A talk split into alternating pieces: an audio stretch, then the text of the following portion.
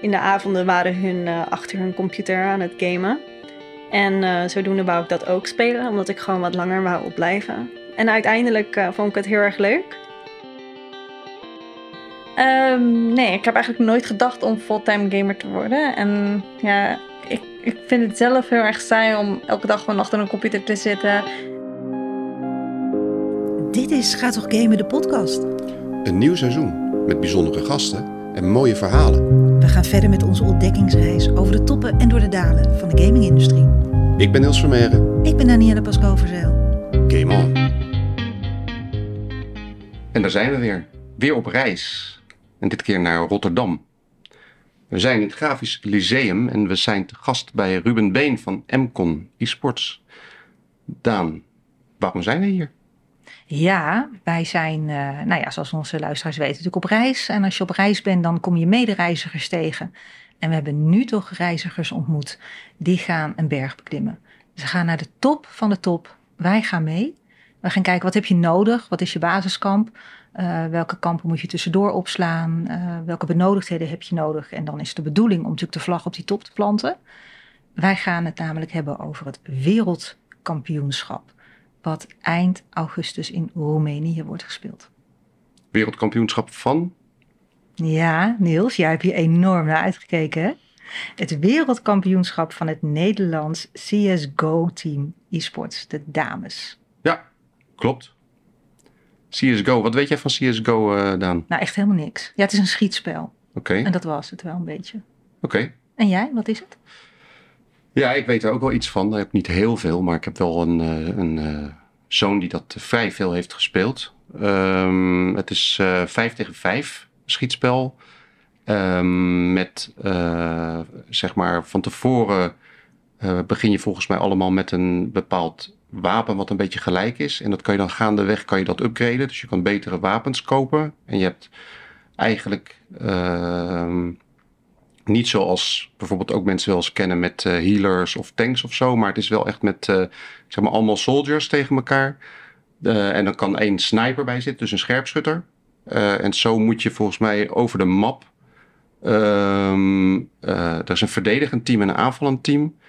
En volgens mij gaat het om het planten van een bom en die verdedigen en een ander team moet dat onschadelijk maken.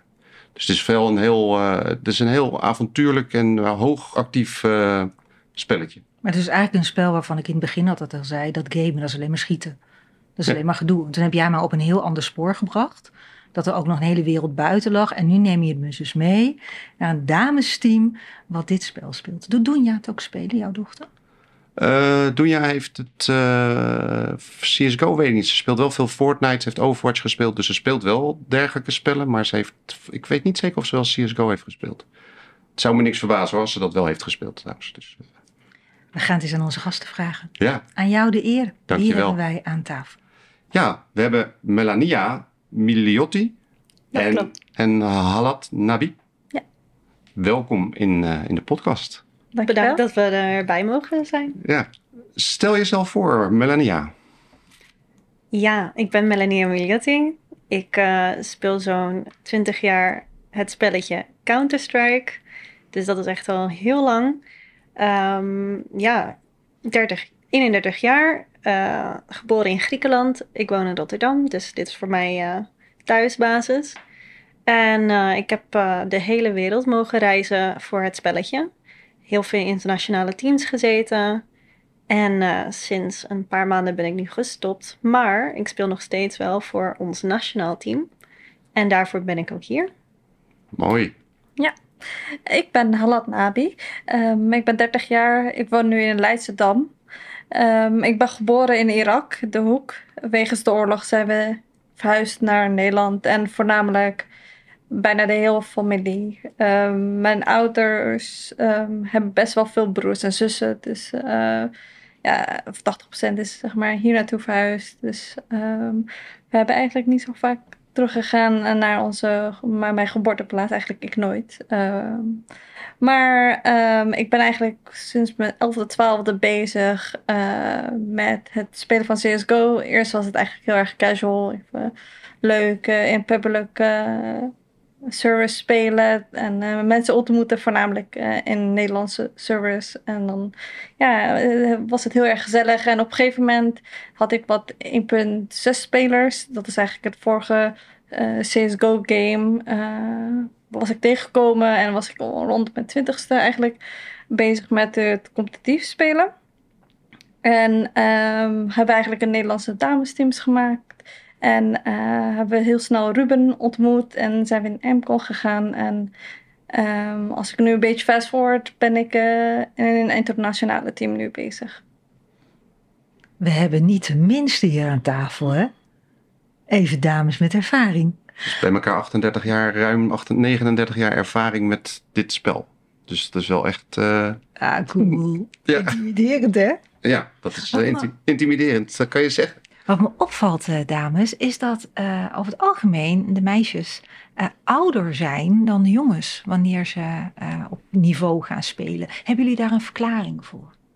Hmm, ik zit even na te denken, maar ehm, ik denk dat het ook een beetje heeft te maken met in wat voor game je zit. Je hebt heel veel jongens die Fortnite spelen en dat, daar hoef je ook niet wat ouder te zijn, want dan speel je ook niet in een teamverband. Eh, het is denk ik voor jongeren in het algemeen wat moeilijker om in een teamverband te werken, want dan heb je gewoon een specifieke volwassenheid nodig, denk ik. Ehm, en dat heb je sowieso met CSGO ook. Daar zie je denk ik ook niet, voor zover ik weet, heel veel jongeren die in een team samenspelen. Misschien eentje dan met wat volwassenere jongens. Ehm, en wat ik vaak, vaak zie, je hebt altijd van die LAN-parties. Dus dan kom je eigenlijk allemaal samen met je computer. En dan ga je in een hele grote zaal spelen. Ehm, daar zie je ook heel vaak ja, wat jongens opdagen. Dus ik denk dat dames dat ook wat moeilijker vinden om daar dan te gaan zitten als enige meisje. Dat was eh, voornamelijk het geval eh, vroeger. Ik was een van de weinige meiden die naar een evenement ging om daar te spelen. Maar ik denk dat dat meer komt omdat ehm, meiden spelen wel, maar niet de competitieve games. Eh, en ik denk dat hun pas veel later in aanmerking komen of aanraking komen met eh, vooral schietspellen. En ik denk eh, nu met Valorant bijvoorbeeld, dat is een, een van de nieuwere games door Riot gemaakt. Omdat hun ook wat meer vrouwelijke personages in de game hebben. Eh, en een soort van rol, als rolmodellen worden gezien. eh, denk ik dat dat wel veel, veel meer aantrekt. En je ziet ook in een game zoals Valorant dat daar veel meer meiden eh, het spel spelen. En ik denk dat dat ook een beetje de toekomst gaat zijn voor CS2. Want Counter-Strike Global Offensive, dat verdwijnt ook. En daarvoor komt dus eh, CS2 eh, uit. Dat zal na, na de zomer gebeuren. En eh, ik denk dat ze daar ook meer eh, ja, woman empowerment eh, zullen laten zien. Is dat ook een beetje vergelijkbaar met wat Blizzard heeft gedaan met Overwatch dan? Want daar hebben ze ook juist in de game heel veel vrouwen willen brengen op een andere manier dan voorheen. Ik denk dat dat zeker de eerste stap was. Blizzard. En daarna was Valorant pas uitgekomen. En daar zag je dus met echte ja, competities ook voor de meiden. Dus eh, ik denk dat dat ook wel beter zal zijn in, in Counter-Strike. Maar het, ja, weet je, je kan niet alle characters eh, zomaar veranderen. Zeker niet een spel wat al 20 jaar plus eh, bestaat. Dus ik denk dat ze juist een mooie manier van het inbrengen van ja, kleine tweaks, dat ze dat wel wat meer toegankelijker zullen maken. Maar ja, wie weet, misschien ook door eh, third-party eh, bedrijven zoals EFG, gewoon grote tournament organizers. Hun proberen ook veel meer vrouwen in, ja, te laten betrekken in toernooien die ze dus voor hun regelen. En daardoor heb je wel een soort van safe space.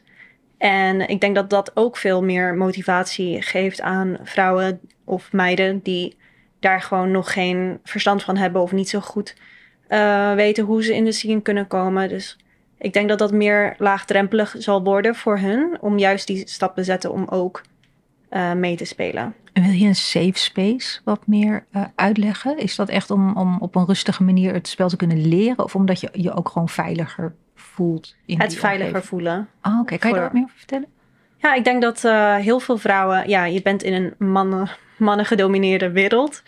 En ja, door alle jaren heen heb ik best wel wat over me heen gekregen. Eigenlijk best wel dagelijks. Eh, ja, dat laat ik me natuurlijk niet eh, klein krijgen. Maar er zijn wel genoeg meiden die daar wel eh, ja, problemen mee krijgen. Of gewoon stoppen met het spelen. Omdat ze juist zoveel negatieve opmerkingen naar hun toe geslingerd krijgen. Dus ik denk dat ehm, ja, zo'n safe space te creëren voor meiden die dan ook gewoon eh, mee kunnen spelen. Ook onder de andere vrouwen in, eh, in de e-sportswereld.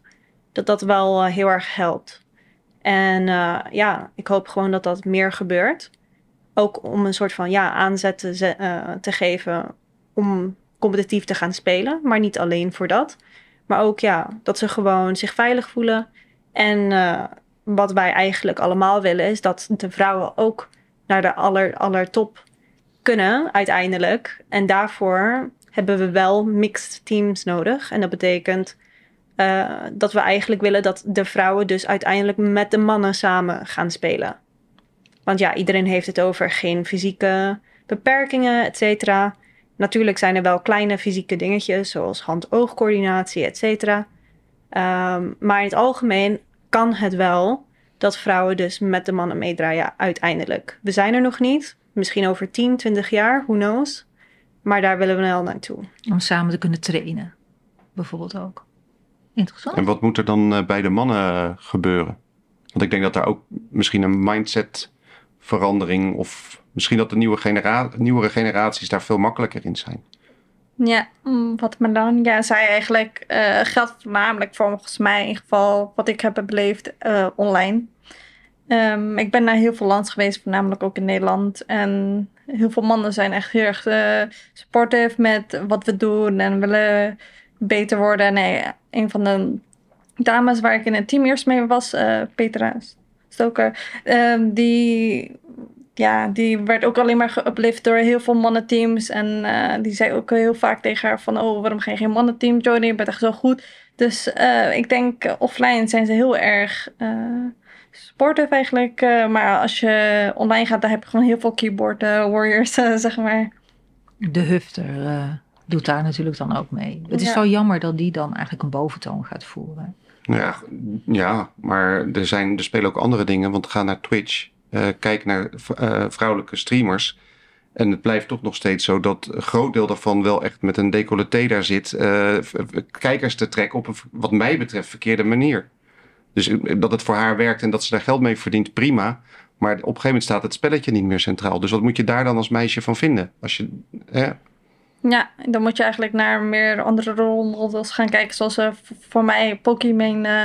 Die, eh, die heeft wel hoge standaarden. Ook eh, qua eh, betting eigenlijk. Want zij is heel erg tegen op cake.com. Omdat dat eigenlijk ook voornamelijk door een betting site of een casino eigenlijk gesupport wordt. En daarom, ja, dat, haar mening zet ze ook uit. Dus dat vind ik ook wel belangrijk om ook wel zulke mensen te hebben waar je naar kan kijken. En het is denk ik voor de ouders, eh, als je je kind eh, naar boven brengt, om, om te laten zien van dit, dit is waar eigenlijk waar je naar moet kijken. En dit is een goed voorbeeld en dat niet echt. eh, ja, geld is niet alles. Ja, dus ook daarvoor geldt natuurlijk gewoon meekijken als ouders. En weten wat, eh, wat, er- wat, wat, wat er gezien wordt. En En waar je je aandacht op richt. ja, precies. Hoe waren jouw ouders in dit hele verhaal? Hoe was jouw omgeving? School, vriendinnen, vrienden? Ehm, iedereen was eigenlijk wel heel erg supportive. Mijn ouders, ik, ik ben eigenlijk begonnen door mijn ouders. Ehm, hun speelden vroeger eh, Quake en Half-Life. En eh, vooral de mod Team Fortress Classic. Dat was een mod van Half-Life. En dat vond ik helemaal geweldig. Dus in plaats van dat ik naar bed, vroeg naar bed moest, wou ik langer opblijven. Dus eh, ja, in de avonden waren hun eh, achter hun computer aan het gamen. En eh, zodoende wou ik dat ook spelen, omdat ik gewoon wat langer wou opblijven. En uiteindelijk vond ik het heel erg leuk. En kreeg ik mijn eigen computer. Ik mocht maar twee uur per dag spelen, maar dat werd makkelijk vijf uur of zo. En dit is echt de tijd van mijn basisschool. En ja, hun vonden het eigenlijk wel heel erg cool dat ik de competitieve wereld inging en naar mijn LAN-parties ging. Hun speelden ook best wel competitief, maar ze zijn nooit echt naar een LAN geweest.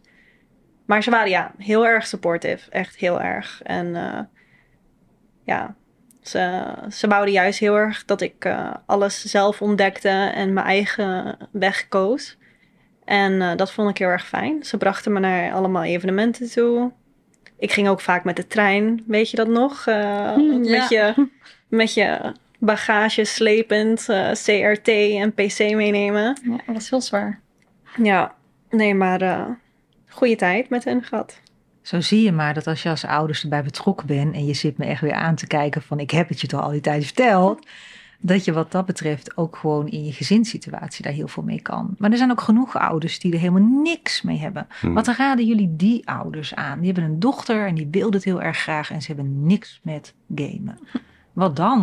Ja, dat zijn mijn ouders. Vertel! Ga door. Ehm, ja, dat is voornamelijk omdat mijn... eh, ik heb twee oudere broers. Eh een van mijn broers, die wat de jongere is, volgens mij anderhalf jaar ouder dan mij, eh, die is eigenlijk gamerverslaafd geworden. Ehm, en ja, dat is eigenlijk voornamelijk iemand gewoon die heel erg depressief is. En dan gaat hij in de gamewereld eh, ja, zijn plekje zoeken. Eh, en dan ja, moet je als ouders gewoon op tijd ingrijpen. En dat hebben de bijna eigenlijk niet gedaan. Eh, maar ja, het is nog steeds proberen hem te helpen. Ehm, en eh, het is ook soms gewoon moeilijk. Maar het is gewoon eh, op tijd bij zijn eigenlijk. maar mijn ouders voor mij, ja, daarom voor mij vonden ze het heel erg eng dat ik heel achter op computer zit. En ook tijdens eh, mijn universiteittijden zat ik ook heel veel op de computer. En dan ja, waren ze gewoon bang dat mijn cijfers zijn gingen onderlijden natuurlijk. Dus ik probeerde het allebei gewoon wel serieus aan te pakken. En hun advies wel mee te nemen. En dan zie je tussen mij en mijn broer dat het wel heel anders kan gaan. Want ik heb gewoon mijn master afgerond. Eh, ik ben nu als eh, apotheker werkzaam. En eh, ik doe het gewoon ook allebei beide. Eh verdeel gewoon goed mijn tijd. En, maar toen ik wat jonger was, eh, heb ik eigenlijk nooit tegen mijn moeder gezegd van ik ga nu naar LAN. Dan is het meer van oh ik ga even een weekendje weg met mijn vrienden. En dan, eh, ja, voor, mijn gevoel vond ik het niet slecht om tegen haar te liegen, want ik deed niet niks verkeerd. Dus, ehm, maar ja, ze, zij vond het gewoon niet fijn om dat soort dingen aan te horen. En dan accepteerde ik het maar. Ehm, maar ja, eh, ik ben wel gewoon naar dat soort evenementen geweest, maar dan moest ik wel even erom liegen een beetje. Little white lies. Nou ja, wrong je, ging, je ging een weekend met vrienden. Ja, Alleen echt in- inhoudelijk eh, vertelde je dan niet alles. ja. Kunnen we zeggen dat jij eigenlijk binnen de mogelijkheden die er waren, je ouders aan de hand hebt meegenomen? Om te laten zien van kijk, met mijn broer is dit gebeurd. Maar het kan ook op deze manier.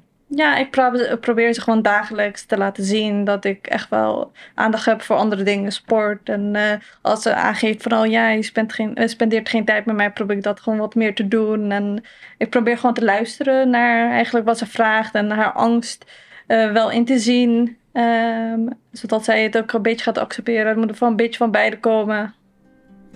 En nu op weg naar een wereldkampioenschap. Ja.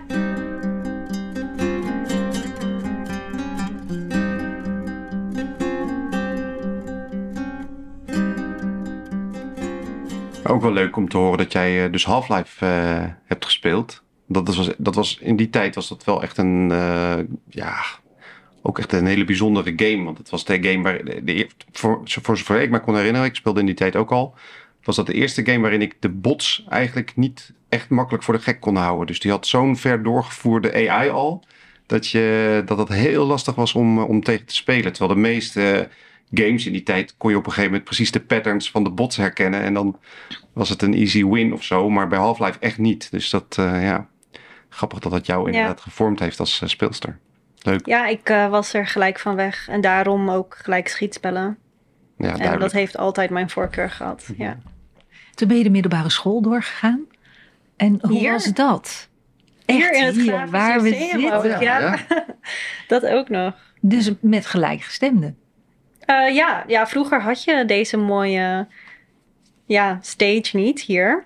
Dit, eh, ik weet niet eens meer wat dit was vroeger. Maar eh, ik vind het echt heel erg vet dat uh, uh, Graafs Lyceum Rotterdam, dit heeft geopend en de mogelijkheden biedt voor mensen of ja, de, de jongens, jongeren, sorry, dat bedoelde ik, die wat in e-sports willen doen. En niet alleen zozeer het spelen zelf, maar ook ja, er, er komt natuurlijk veel meer bij kijken. Uh, podium, techniek, uh, van alles eigenlijk, uh, backstage. Dus ik denk dat dat de school de jongeren wil aanbieden. En ja, ik vind dit initiatief natuurlijk echt vet. Maar wat heeft dat met grafisch te maken? Hoe, zie je, hoe, hoe, hoe haakt het in elkaar?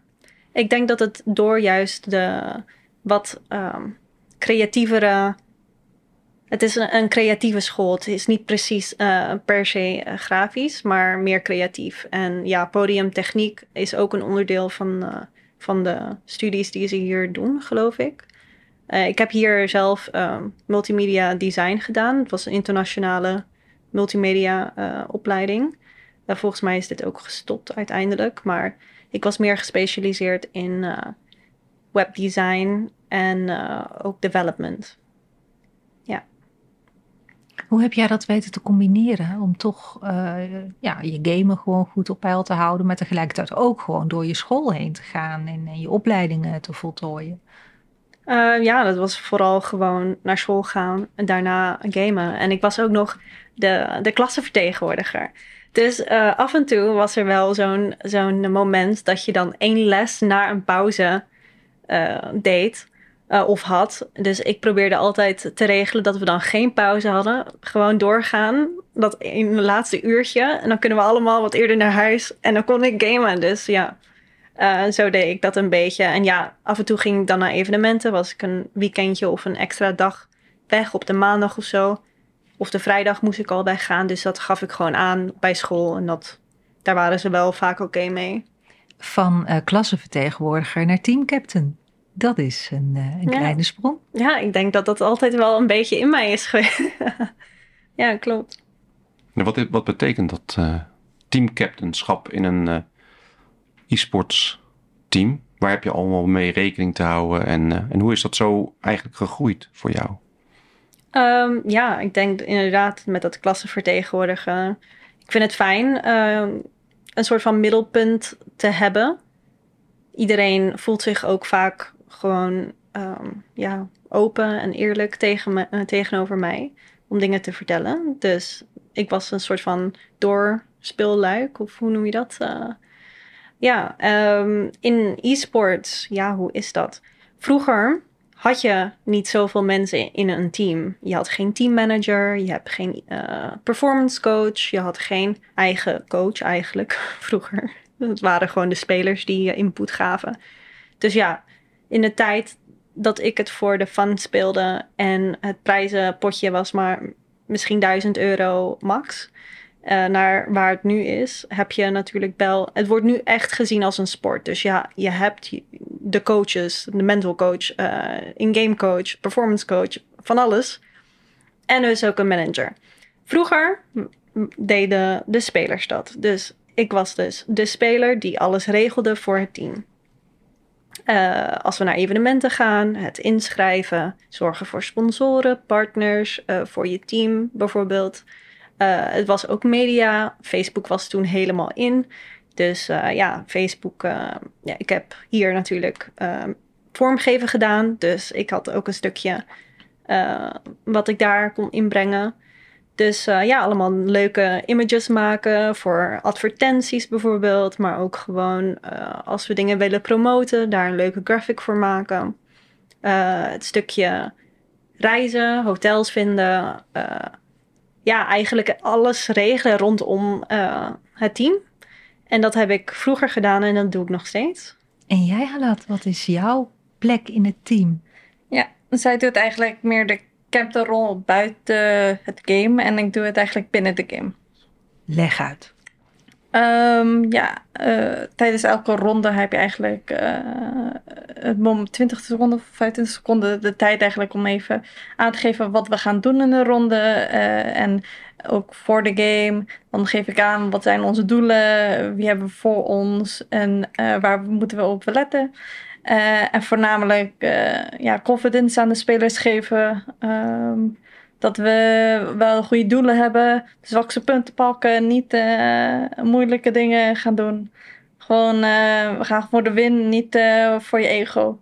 Kan ik dat zien als je bent de aanvoerder dan van het team binnen het veld? Ja.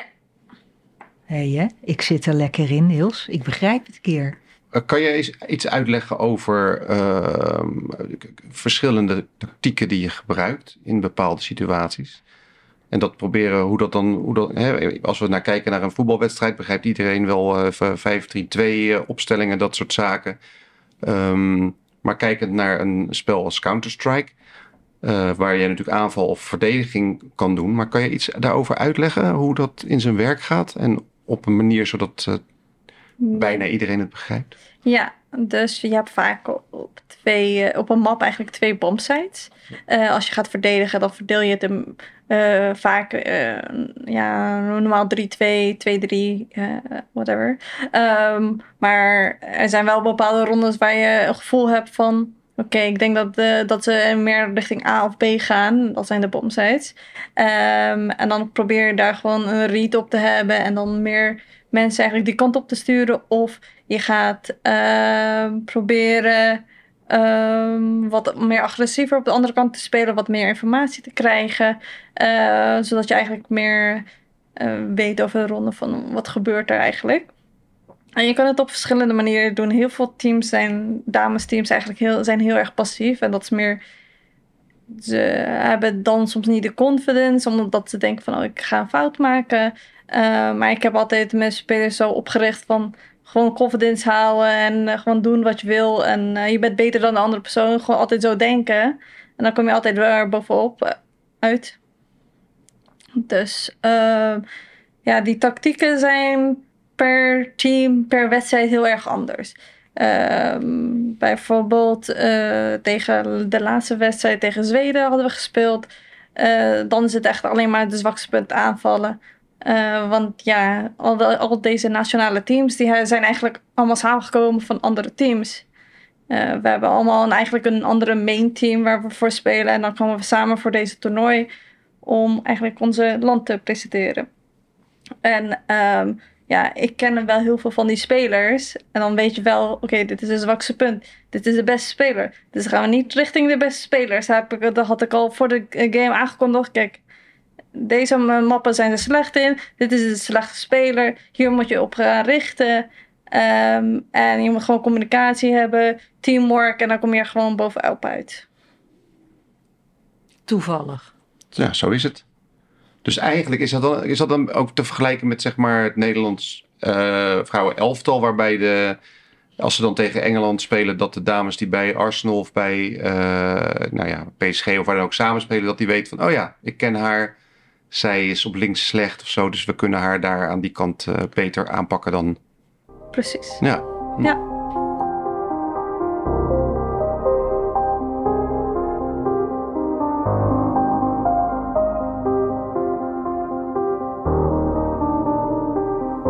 Wat is het beste vrouwenteam op dit moment? Uh, landenteam? Uh, landenteam, dat was vorig jaar was dat Polen. Uh, die, we zijn toen naar Bali geweest en hebben de wereldkampioenschap gewonnen. Uh, dit jaar is, zijn er andere Polen die eigenlijk Polen uh, ja, representeren. Dus um, die zouden dat niet kunnen vergelijken met het team van dit jaar eigenlijk. zij mochten niet meedoen van hun organisatie. ja, om hun eigen redenen. Maar ja, dat is eigenlijk denk ik wel de beste nationale team op dit moment. Maar die doen zijn dat, niet mee. Zijn dat dan commerciële redenen? Zijn dat commerciële teams die dan de dames niet laten spelen voor hun nationale team? Ja, ze, ze hebben een contract getekend en uh, dan geeft een organisatie aan: wij willen dat je niet speelt om ABC redenen. Dus en dan mag het gewoon niet. Je hebt een contract getekend waarbij zij eigenlijk uh, alles mogen beslissen waar je aan mee mag doen. Moet toch juist een enorme eer zijn als iemand van jouw team het land mag eh, vertegenwoordigen, zou je denken. Het is een beetje Ja. een politieke spelletje. Ja, ik denk het ook wel. Ja, toch? Het is, eh, vaak wordt er wel een beetje, ja, hoe noem je dat? Tussen de vingers gekeken daardoor. Eh, want ja, bijvoorbeeld als je or- de organisatie waarvoor je normaal speelt, de pa- een partnership met bijvoorbeeld Red Bull heeft, maar de, ja, de wereldkampioenschappen eh, door Monster wordt gerepresenteerd, dan zou je niet daar mogen spelen. Ehm, ja, dat wordt vaker. Dat is wel een issue eigenlijk. Eh, soms heb je natuurlijk niet in de hand wat voor soort sponsoren eh, een organisatie heeft. Maar eh, ja, dat is wel een van de redenen. Maar ik, ik, wil wel zeggen, dit is wel een uitzondering. Want alle andere organisaties die hebben gewoon het- eh, hun spelers gewoon eh, gesteund. Eh, op Twitter, op Instagram en eh, Ja. ja. overal eigenlijk. Dus dit was, wel, dit was wel een uitzondering. Wat jammer is, omdat hun wel eh, ja, eigenlijk de titel vertegenwoordigen. Want Ja. aange- aangezien ze vorig jaar gewonnen hebben. Ja. Dus ja, het is jammer. Dus de titelverdediger doet gewoon niet mee. Maar daarvoor heeft eh, Polen wel bijvoorbeeld een automatische spot gekregen. Terwijl dat Polen eigenlijk dat team van Polen niet meedoet. Dus Nee. dat is wel interessant. En als dat Krijg team dat... Songfestival. eh, Ja, erbij. Songfestivalgevoel. Ja. Nee, maar dat betekent dus eigenlijk dat het team wat nu voor Polen strijdt, zelf niet gekwalificeerd heeft. Oh, oh, oh, En, sorry. en, dat, en jullie dus eigenlijk ook niet waarschijnlijk heel goed weten hoe ze zijn. Jawel. Wel, Ja, eh, wel ja. je, je kent de speelsters wel van andere. Ja. Die zijn niet hetzelfde niveau. Maar dat komt ook. eh, Polen is de enige team die hun main team ook hun nationale team is. Ah ja. Dus die- ze spelen al heel erg lang samen. Dus Mm. daarom hebben ze eigenlijk voordeel bovenop iedereen eigenlijk. Want de anderen zijn, zoals ik zei, van alle teams bij bij elkaar. eh, Dat is natuurlijk ook een hele mooie manier om gewoon nog meer te leren kennen, speelstijlen te leren kennen, fouten te maken en te ontdekken wat je kan verbeteren in eh, dit soort toernooien, toch? zeker. Ja. Zeker. Wat is een reden om voor een bepaald team te kiezen? Voor een bepaalde organisatie te kiezen? Wat is. eh, Net als, eh, ik kom weer, weer met die voetbal. Maar waarom zou je voor Ajax of Feyenoord voor een, waarom zou je voor welke organisatie kiezen? Wat zijn criteria daarvoor? Ik denk dat het goed is om te weten wat jouw doelen zijn als team zijnde. Wil jij de beste vrouwenteam worden? Wil jij individueel ergens spelen? Wil jij meer eh, media doen? Eh, er zijn genoeg organisaties die meer op content focussen dan eigenlijk. eh hun boeit het niet echt of je nou wint of niet. Ehm, ja, als je maar gewoon een unity vormt en gezelschap toont of zo. Dus er zijn heel veel ja, redenen waarom je voor een bepaald team zou moeten kiezen. En elk team heeft een soort van niche, toch? Een eigen, eigen stijl. Dus ik denk dat je dat een beetje moet gaan vinden of onderzoeken wat bij jou het beste past als, als team zijnde. En ja, natuurlijk wil je graag een leuk salaris krijgen. Als dit een fulltime iets moet worden. Stel dat een team jou alleen maar voor 10 uur bezig wilt zien. eh, ja, zullen ze je geen vaste salaris kiezen, eh, geven bedoel ik. Ehm, ja, ligt eraan natuurlijk wie je bent, maar in de meeste gevallen is dat niet zo. Dus ja, als je jou gewoon als eh 40 uur per week, eh, als je elke dag moet trainen met je team, dan kan je wel verwachten dat je daarvoor een vast salaris of gewoon een, een salaris kan krijgen waar je van kan leven. En niet elke organisatie biedt dat, eh, zeker niet in de, in de women's scene. Dus dat is, eh, dat is lastig om dan eh, wat te kiezen. Dus eigenlijk gaan de meeste mensen voor het meeste geld. Ja, en dat is jammer. Ja, dat zie je eigenlijk ook bij Olympisch sporters. Hè? Dat ze eh, wel sponsoren hebben, maar daarnaast ook nog een, een baan. Terwijl ik me zo voor kan stellen als je fulltime natuurlijk voor een, voor een organisatie mag werken. Dat je dan veel meer uit jezelf kan halen. Omdat er heel veel stress wegvalt van het, van het Ja. inkomen vergaren. Ja, je wilt zekerheid hebben. En zeker als je, ja, je eh, representeert de organisatie ook door je gezicht. Want als speler is dat eigenlijk je bedrijf. Je bent eigenlijk een ZZP'er, no matter what. Want jouw naam is jouw, ja, dat verkoop je. Dus eh, ja, ik vind dat dat gewoon eh, betaald mag worden. Ze willen dat jij het team eh, representeert, jouw lo- eh, de logos van de organisatie eh, overal neerzet. Dus jij bent eigenlijk gewoon een walking billboard of een playing billboard in, in this case. Dus daar, ma- daar mag betaald voor worden. Nu ben jij, je houdt je bezig met player management. Ja. Dus dit ben jij nu voor spelers onder andere aan het ontdekken, zoeken? Of zie ik het dan echt helemaal verkeerd? Nee, niet per se, omdat ik geen agent, ik ben geen agency. Ik ben niet echt de management van spelers. Maar ik zorg ervoor dat de spelers eh, het stukje hospitality op evenementen voor spelers, dus gewoon tournament organizers, daar, dat regel ik. Dus ik zorg ervoor dat iedereen lekker kan eten, dat alles geregeld is, je shuttle staat klaar. Ehm, ja, de coördinatie tussen de organisatie en het toernooi, zeg maar. Dat dat alles, dat alle informatie wat de spelers nodig hebben of de organisatie zelf, eh, dat hun dat weten. Dus dat zijn meer de bezigheden. Niet per se, eh, ja, individueel gericht. Het compleet ontzorgen van de topsporters. En hoe eh, haakt dat in elkaar met jouw teamcaptainschap? Want je zei toen ik team, teamcaptain was in het begin, toen deed ik ook alles voor het team, zeg maar. Ik kon alles regelen. En nu is het wel veranderd, want er zijn heel veel rollen binnen e-sport organisaties gekomen. Doe je nou nu eigenlijk wat je altijd al het leukst vond om te doen? Eh, ja en nee, want eigenlijk wil ik het allerliefst nog zelf spelen, nu dat het nog kan. Ehm, maar ik vind het wel het meest bij mij passen. Wat het, eh, ja, ook al, ja, hoe kan ik het uitleggen? In plaats van dat ik nu een teammanager ben, dus eh, individueel zou helpen per, per speler, eh, zit ik daar net een stukje naast. Dus ik heb juist communicatie met alle teammanagers, want hun zijn de, de point of contact voor alle teams. Dus ik zou eigenlijk met mezelf eh, praten in this case. Maar nu zit ik daar dus net buiten. Ik, ik representeer geen, geen team, maar ja, voor een, een tournament organizer. Dus dat is een stukje, eh, dat is het verschil erin, ja. Hoe is dat voor jou, Halat, om dat te horen? Want zij zegt, ik zou het liefst eigenlijk zelf spelen. Ja, ehm, want zij eh, presenteert eigenlijk eh, een organisatie, E- ESL heet dat, eh, die ook zorgt voor eigenlijk de women's toernooien. Dus zij kan het eigenlijk niet combineren. Ze moet eigenlijk kiezen of dit of dat. Ehm, ik heb wel een paar keer samen gespeeld met Melania. En ja, op een gegeven moment moet je toch gaan kiezen tussen het geld en een beetje ja, salaris inbrengen en of spelen. En dat kan soms niet allebei.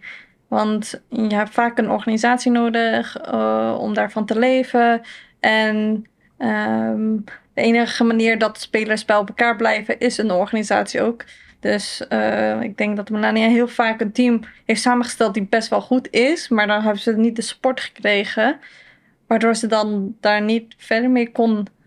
Als ik het eh, zo goed verwoord. Ja, nee, we hadden zeker goede kansen in de voormalige teams. Maar omdat we juist geen organisatie op tijd konden vinden, is iedereen een beetje zijn eigen weg gegaan.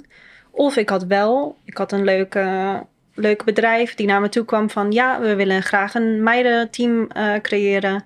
Wil je daar de teamcaptain van zijn? Wil jij voor ons een team maken? Dat deed ik. En eh, na een paar maanden viel dat ook uit elkaar, omdat eh, ja, de meiden niet zo appreciative, hoe kan je dat in het Nederlands zeggen? Eh, Ja, probeer het eens. Wat, vonden ze het zelf niet leuk, die meiden? Of werden ze niet goed ontvangen? Of was, was er een dubbele laag achter? in die tijd Ja. eh, mocht je op je hart kloppen, hoe noem je dat? Op je hart kloppen als je een salaris kreeg. Hm. Dus hun hadden al een voorzetje. En eh, dat hadden ze een beetje verknald, omdat ze ja, het misgunden. Dus eh, dat waar we het eerder over hadden voor de, de. krabbenmand. Ja, Ja, de nagels gaan uit. Hoe is dat met vrouwen onderling? ik denk dat het vroeger veel meer was dan nu. Ik denk dat nu. Ik weet, het eigen, ik weet het eigenlijk niet, dus misschien kan Hawat hier wat meer over vertellen. Maar ik heb het gevoel dat het beter is nu. Ik denk dat meiden meer naar elkaar gunnen. Maar ik, mag, ik kan het mis hebben. Vertel. Ehm, dat ligt eraan. Dames zijn wat meer bevriend met elkaar. Dus als je wat meer bevriend met elkaar bent, dan ben je wel wat aardiger met elkaar dan als je niet bevriend bent met elkaar. Dan gaan de roddels heel snel heen en weer. En zelfs onze vijfde spelers eh, in mijn main team, daar heb ik al eh 500 roddels over gehoord. Heel lief meisje.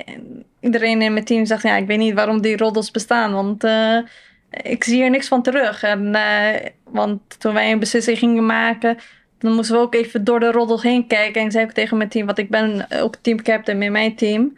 Ehm, gaf ik aan van, weet je, laten we haar gewoon een kans geven. Ik heb zo vaak roddels gehoord dat helemaal niet waar is, ook over mij. Ik denk, eh, eh, zo vaak heb ik iemand ontmoet van, oh, ik had zoveel over je gehoord, maar je bent echt zo aardig. Ik denk, maar ik heb je nooit eh, ontmoet of zo en je hebt zo'n hele negatieve beeld van mij. Dat hoor je heel erg vaak, dat mensen over je hebben terwijl je hun nooit ontmoet hebt. En dan denk je ook van, oké. Dus ja, dat is er wel heel veel. Maar ja, dat ligt eraan met wie je bevriend bent, wie je niet. En ja, het blijft eh, een dameswereld. eh. Dat is weer een heel andere vorm van ongewenst gedrag als wat we het eerder over gehad hebben met eh, binnen teams. Hè? Dit. Nou, zeker, want in hoeverre ben je dus veilig in een damesteam? Als er over je geroddeld wordt, als er van andere teams over je geroddeld wordt en je daar dus eerst doorheen moet voordat je een kans krijgt. Ik denk dat wat Halad zegt, van laten we er eerst nog eens een kans geven en kijken hoe dit gaat. Ja, als jij dan die kans nog waar kan maken of waar wil maken, of dat je je daar nog goed genoeg voelt, om, om veilig genoeg voelt om dat te doen, denk ik. Dat- mij lijkt het heel, eh, klinkt heel koud eigenlijk. Ja. Eh, ik heb twee Finse dames in mijn, mijn team. En die hadden eigenlijk eh, een hele slechte ervaring voordat ze bij mij kwamen. En eh, ik zei, nou ja, geef het gewoon een kans, kom bij mij spelen. En ik eh, zorg wel dat je gewoon comfortabel voelt. En ik luister gewoon naar jullie behoeftes. En dan maken we gewoon wat leuks samen. En eh, dan vertrouw je elkaar snel. En dan gaat dat wel helemaal goed. Maar je moet gewoon wel de juiste mensen ontmoeten. En niet sommige mensen die eigenlijk om de verkeerde redenen zitten alleen voor het geld. Bijvoorbeeld wat eh, Melania ook zei. sommige mensen willen gewoon echt winnen. En dan doen ze er wel alles over, voor over. Ja, die zitten daar echt voor eigen eer en glorie. Ja.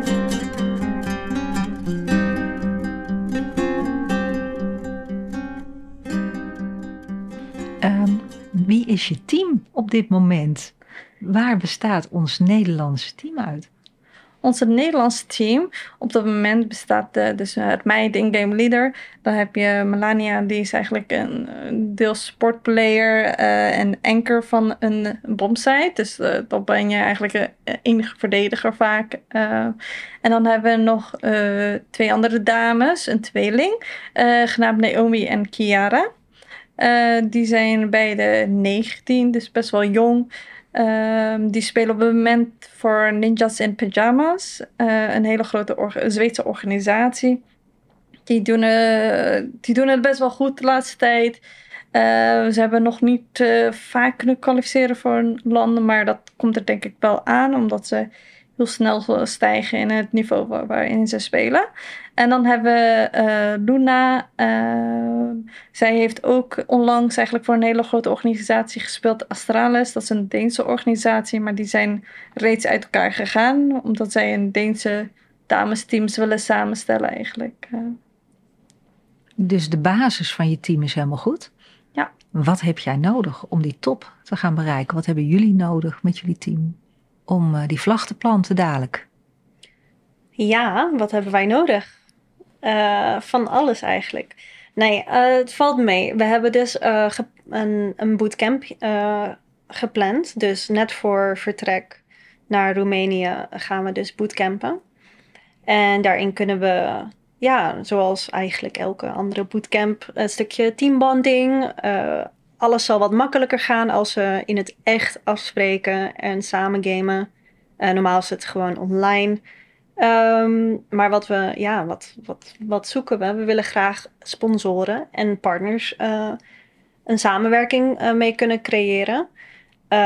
Want ja, voor bijvoorbeeld de bootcamp, het verblijf tijdens bootcamp, ehm, de, onze coach en onze Zes ja, speler. zesde speler, onze Stand-in. stand-in. Wat is het Nederlandse woord voor stand-in? Reserve. reservespeelster eh, willen we graag naar Roemenië sturen.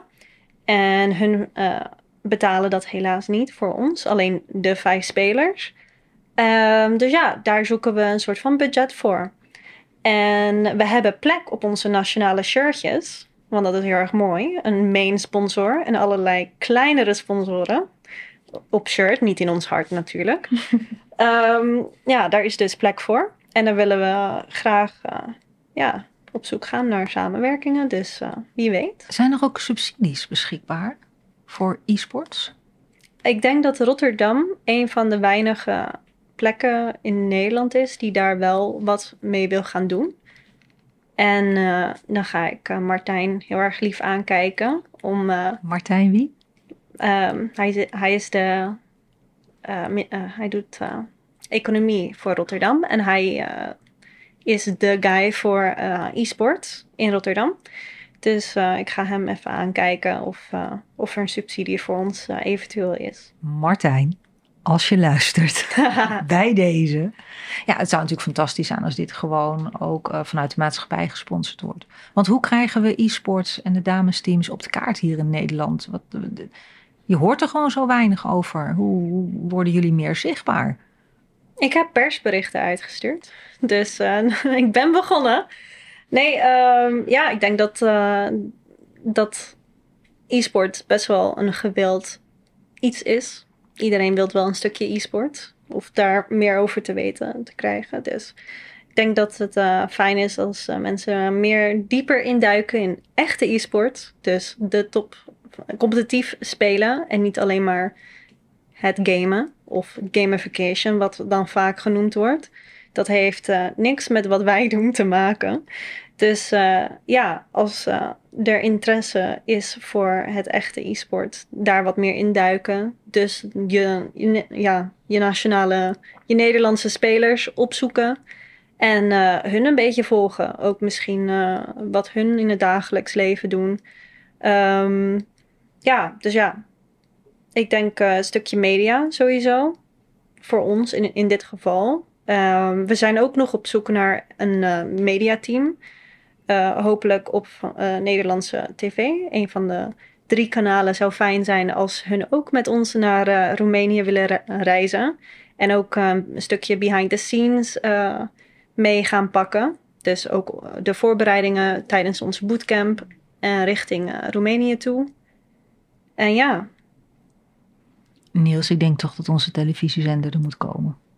Ja, Wij hebben dat we zijn, net niet op tijd, we zijn net niet op tijd klaar hè, met onze televisiezender dan. denk ik. Nee, wij nou net niet. Dat hebben we een keer uitgesproken. Dat wij vonden dat er een televisiezender moest komen hierover. En ja, als niemand het doet, ja, dan offeren wij ons natuurlijk op. Maar het is wel een soort documentaire of iets de weg naar Ja, maar ook gewoon, de, ook gewoon de toernooien. Je Ja. wil gewoon alles kunnen zien. Want je hebt wel een Twitch-kanaal. Stream je zelf nog? Ehm, ik heb acht jaar nu gestreamd. Iets langer eigenlijk, Mhm. maar acht jaar fulltime. Tot drie maanden geleden dat ik als player management begon. Dus dat deed ik eigenlijk fulltime. En nu ga ik dat weer langzaam een beetje oppakken. Nu dat ik een beetje meer gezetteld ben. Maar ja, er, er, wij streamen ook. En eh, dan hebben we een leuke comment over meer informatie in onze funding page, et cetera. Ehm, Ja, maar Ja. goed, als het gaat om zichtbaarheid natuurlijk voor e-sporters, dan is denk ik dat is Twitch, YouTube, dat zijn natuurlijk ook de platforms waarop je zichtbaar bent. ja, Hè, Twitter is ook vooral eh, iets in, in een gamewereld. Ja. Ja, maar we willen natuurlijk, eh, het idee is natuurlijk dat je zichtbaar wordt bij de mensen die het nog niet eh, volgen. Hè? Dus niet de jongeren of de, of de geeks, maar gewoon ook mensen die de tv aanzetten en van Netflix af of van de Grand Prix af switchen naar een wereldkampioenschap Counter-Strike. Ja, er zijn eh, genoeg eh, landen die eh, een e-sports dedicated channel hebben op hun tv. En Nederland heeft dat nog niet. Het was wel nice dat eh Mijn Domein Masters eh, op Nederlandse tv was. Volgens mij was dat Fox News of zo. Ehm, dat was een Nederlands toernooi en daar deden ze League, maar ook ehm, League of Legends, dat is een ander Mhm. spel. Ehm, maar ook Counter-Strike en volgens mij ook iets anders. En dat was wel gewoon op nationale tv. Maar echt een dedicated e-sports zender die ook misschien internationale evenementen eh, report doet. eh, zou wel vet zijn. Wat is daarvoor nodig?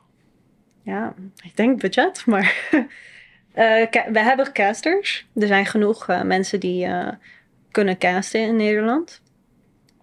Ehm, ja, zendtijd, een kanaal hebben we nodig. Wat, wat is er voor nodig om een kanaal te starten? We moeten toch wel een keer met René Treur in gesprek. Inderdaad. Renéetje. René, ja. Die is ook in, eh, onze, in onze podcast eh, geweest. Ja.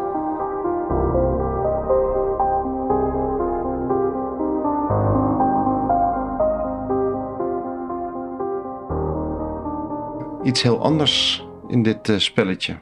Wordt er wel eens vals gespeeld? Ja, zeker. Hoe gaat dat in zo'n game? Mm, je hebt in een normale game een anti-cheat. eh, waar, waar eigenlijk gedicteerd wordt als er een, eh, een, een cheat eh, aanwezig is bij een persoon of niet. Die is, nog, die is niet geweldig. maar dan heb je een andere platform waar heel veel spelers eigenlijk op hogere niveau op spelen. Dan, dat is genaamd Faceit. En ehm, die hebben een platform zo goed gemaakt dat ze wel een wat betere anti-cheat ook he- aanwezig hebben. Maar ja, je hebt nog steeds cheaters aanwezig. Want ja, er zijn zoveel dat ze ze niet allemaal kunnen filtreren eh, gelijk. En hoe, zien zo, hoe ziet zo'n cheat eruit? Dan is dat dan auto- eh, auto-aiming of dat soort dingen? Of, eh, Ja, je hebt verschillende dingen. Ik heb een aim assist. Dus dan gaat je crosshair gelijk eigenlijk eh, naar de enemy's hoofd. En dan eh, heb je hem gelijk eh, raakgeschoten. Of je kan door muren heen zien. Of je hebt... we hebben een radar waar je eigenlijk stippetjes op ziet. Van waar je teammates zitten. Maar dan kan je ook zien waar de vijand zich be- bevindt. En dat is normaal natuurlijk niet het geval. Maar er zijn ook dingen die je niet zo makkelijk kan zien. Bijvoorbeeld een extra geluidje die je dan hoort als er een enemy in de buurt is. Dat zijn, wat Hallat noemde, zijn wel echt de blatant cheaters. Dus die kan je heel makkelijk vinden. Maar eh, de cheats met eh, hele kleine aanpassingen. Of als je bijvoorbeeld een, eh, een map downloadt. in, in, in het spel Counter-Strike kan je custom-made maps kan je downloaden. Dus je hebt een soort van workshop waar mensen mappen kunnen inzenden. En als je dan een bepaalde type map bijvoorbeeld eh, downloaden, eh, werd er dan ook een soort van cheat geïnstalleerd. En zulke dingen zijn wat moeilijker eh, op te sporen. Of er zijn juist ook cheaters die het niet zo blatant maken. En dan een aantal rondes doen alsof ze het niet weten. En dan heel af en toe daar gebruik van maakten op cruciale rondes. Dus dat is, dat is gewoon online zeker heel erg moeilijk ja, te vinden, uit te vinden. Ja, maar offline hebben ze ook. eh, volgens mij eh, had iemand zo'n buzzer of zo in zijn schoen. En dan eh, ging ze één keer voor A en twee keer voor B eh signen. Dan denk ik iemand dat in het publiek zat of zo. En dan. eh, is dat net als met die, dat, die, met die schaker? We hebben toch die schaker gehad die eh, tegen die wereldkampioen speelde... en dat hij een een of ander trillende buttplug had eh, Nee. geïnstalleerd. Ja, Oh, en dat hij ook door... Nee, Want hij, hij speelde online ook en werd hij heel, ook, toen won hij. En toen, eh, dat was een heel, groot, heel groot, eh, hele grote zaak. Tegen Magnus Carlsen volgens mij was dat. Bizar. Ja, ja mensen verzinnen van alles. Ja, ja, zeker. En ehm, ook nog een, gewoon vraag. Ik ben een gamer, dus ik wil gewoon ook alles weten over de game. Maar welke rank zijn jullie? Ehm, zoals ik zei, we, spelen op een platform genaamd eh, Faceit. En ehm, daar kan je van level 1 naar 10 gaan. Ehm, de meeste mensen zijn wel level 10 eigenlijk. En dan in level 10 heb je eigenlijk nog een generatie van... Dus dan heb je 2000 ILO, dan heb je nog 3000, 4000, 5000. Volgens mij richting 6000 houdt het een beetje op. Eh, en ik ben nu 3000 als het goed is. Dus dat is wel eh, een beetje bovengemiddeld. Ja. Eh, ja, ik speel geen Faceit meer. Dus eh, ik denk sowieso wel level 10. Volgens mij is het meeste wat ik had gehaald 3400, zoiets. Maar als we het hebben over echt Counter-Strike ranks, ja, wij spelen geen matchmaking. Wij hebben dat niet. Maar Nee. het is sowieso global. Ja, ja, ja. Ja. Global, ja. Ja. Ja, grappig. En eh, speel je dan speel je wel eens matchmaking zelf voor de, om, voor de lol om te proberen of helemaal nooit? Kijk, het probleem is. Valve geeft alleen maar 64 tick servers. En dat is dus, ja, hoe kan je dat uitleggen? Je hebt 128 tick servers of 64. En 64 is Minder kwaliteit. gewoon heel, heel wat minder kwaliteit. De hitboxes zijn anders. Je hebt geen skyboxes in eh, sommige mappen, toch? Uh, Ja, dus eh nades komen dan... ehm, je kan je gewoon overal heen gooien. Granaten, ja. Ja, ja. ja. Ja, de, je speelt het spel een beetje anders. Zeg maar, de, de grenade, eh, dus de smoke grenade en je- eh, flashbangs en al die dingen die wij leren eigenlijk. Om, je hebt echt, pres- ja, hoe noem je dat? Hele specifieke plekken hoe je moet richten om bepaalde utilities uit te voeren. En dat kan niet in 64 tick. Dus ja, je speelt eigenlijk voor, ja, spek mee. Ja. Ja, dus het is eigenlijk alsof je in een heel, een heel ander apparaat speelt. Als, Ja. eh, Alsof je, je hè, eh, alsof je ineens in een gedowngrade auto stapt, terwijl je gewend bent Ja. om in een top Ja. model te rijden. Maar je krijgt ook verder niks. Want Nee. match, ja, je, je rank, maar dat boeit eigenlijk niet zo Nee. heel veel. Sorry mensen. maar ja. Nee. Ja. Maar voor heel veel mensen boeit dat natuurlijk wel. Ja. Er zijn Ja. meer mensen die matchmaking spelen dan die op jullie niveau spelen. ja, maar misschien is het ook een opstapje voor de mensen die eh, echt beter willen worden. Zou ik zeggen, speel ze vooral op 128 tick servers. En wie weet op ook bijvoorbeeld Faceit of een andere third-party website waar je meer, minder cheaters hebt en betere tegenstanders. En je hebt daar ook communities. Je kan daar eh, hubs joinen, heet dat. En dan kan je eigen Nederlandse community of eh, van je favoriete streamers. Die hebben vaak ook eigen communities op Faceit. Dus eh, ja, zo kan je ook nieuwe mensen leren kennen. Serieuze gamers leren kennen. Ja. Ja. De series. Ja, dat is ook wel mooi. Weet je, dat, eh, daar, is, daar zitten gewoon verschillen tussen. Is dat bij andere games eigenlijk ook, dat je weet? Fortnite of eh, Valorant? De ranks of de... Nee, dat, er, dat er echt zo'n hele duidelijke afsplitsing is met eh, de pro's eh, versus de... Fortnite denk ik sowieso. En Valorant ook wel. Ik heb wel wat vrienden die van Counter-Strike naar Valorant zijn gegaan. En dat was voornamelijk omdat er eh, qua competitie heel erg eh, vlak lag eh, in CSGO. Dus dan zijn ze Valorant gaan opzoeken. En het is ook wel een wat makkelijker game om in te komen dan eh, Counter-Strike. Ehm, maar daar zie je wel een groot verschil tussen de pro's. Die spelen vaak ook samen. Die zijn ook vaak ook op zoek naar nieuwe spelers. Of, ehm, Maar spelen zij custom games? Mm, Nee. Nee, dat, dat nee. is denk ik wat hij een beetje bedoelde. Dat, nee, daar staat dat er echt ook andere... Ja. Ja. En ja, Ja, want iedereen speelt daar gewoon het eh, normale matchmaking systeem, toch? Geloof ik. Ja, precies. Maar de mensen waarmee ze samen spelen zijn vaak pro-spelers en zijn nooit Random random, mensen. random Ja, ja, ja. mensen of random andere females. Dat, of het zijn nou pro-mannen of in ieder geval goede mannen, een goede level, maar niet eh, random, nee.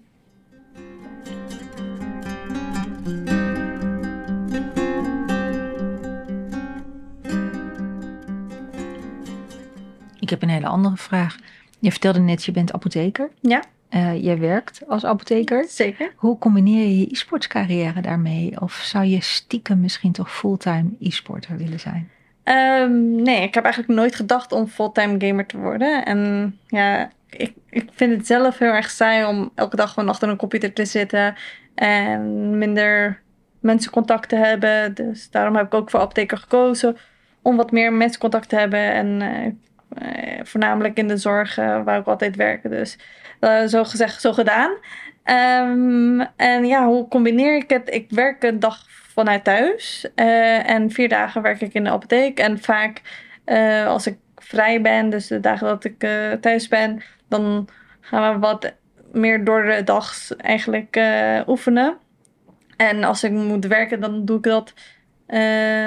kom ik thuis, ga ik eten en dan gaan we eigenlijk oefenen tot een uur of elf, half twaalf en dan naar bed en dan de volgende dag. Dus het is heel erg intensief. Dat kan ik je wel sowieso zeggen, maar je moet er voor over hebben. En ik vind het allebei leuk, dus dan, eh, dan doe je dat ook wel. En ik ben, zoals, zoals ik zei, ook team captain, dus ik doe daarnaast het spelen en werken, dan probeer ik ook nog eh, naar demo's te kijken van teams. Om die nieuwe dingen te leren kennen, nieuwe strategieën te maken. Eh, en dat allemaal in een Excel-bestand weer te zetten. Om het eh, visueel te maken voor iedereen. Dus eh, ja, ik blijf, ik blijf bezig. Je moet ze ook aanzetten om dingen te doen. Niet Ja. alleen jij. Ja, dat sowieso. ja, maar dat is het ook het verschil met wat ervaren mensen en wat jongere mensen. Die moet je echt gaan motiveren van oké, je moet dit en dit en dit doen. En dan ga, dat zei ik ook tegen Melania. Het gebeurt niet in een dag. Je moet ze echt eh, gaan opvoeden eigenlijk eh, naar wat je wilt dat ze worden. En dat gebeurt geleidelijk. Ik speel nu bijna twee jaar met een aantal eh, dames. En die zie je echt heel snel groeien. Dus Is er eigenlijk dopinggebruik in e-sports? Mm, ik denk, als ik naar de vrouwen zie, kijk niet. Voor de mannen weet ik het niet zo goed. Het is niet eh, een hele grote issue in ieder geval. eh, of, Of geen, nog niet heel erg bekend? Ja, of nog niet heel erg bekend. Maar eh, nee, ik, ik, ik heb er eigenlijk nooit wat van gehoord dat iemand... want daar wordt wel getest Ja. op doping, zeker op offline events. Wordt er op getest. Ehm, dus er is nog geen geval geweest dat daar eigenlijk wat uitkwam. Maar goede vraag. Ja, ze zijn nu wat meer eh, bezig weer met het testen op evenementen. Voorheen was dat niet elke toernooi bijvoorbeeld. Maar eh, dat willen ze wel vaker gaan doen. Ik denk dat het eigenlijk eh, meer is dat, je, dat ze anders gedisqualificeerd worden door gebruik van bijvoorbeeld softdrugs, harddrugs ook. Het is niet voor drugs met voor enhancements om te winnen, maar meer het recreatieve gebruik en eh, daarvoor gestraft worden. Ik denk dat dat het meer is eh, Ja. in e-sport. Ja, ik heb wel veel spelers gehoord dat ze wel daarmee mee te maken hebben, maar niet om beter te gamen. Counter-Strike naar de Olympische Spelen. Gaat dat gebeuren?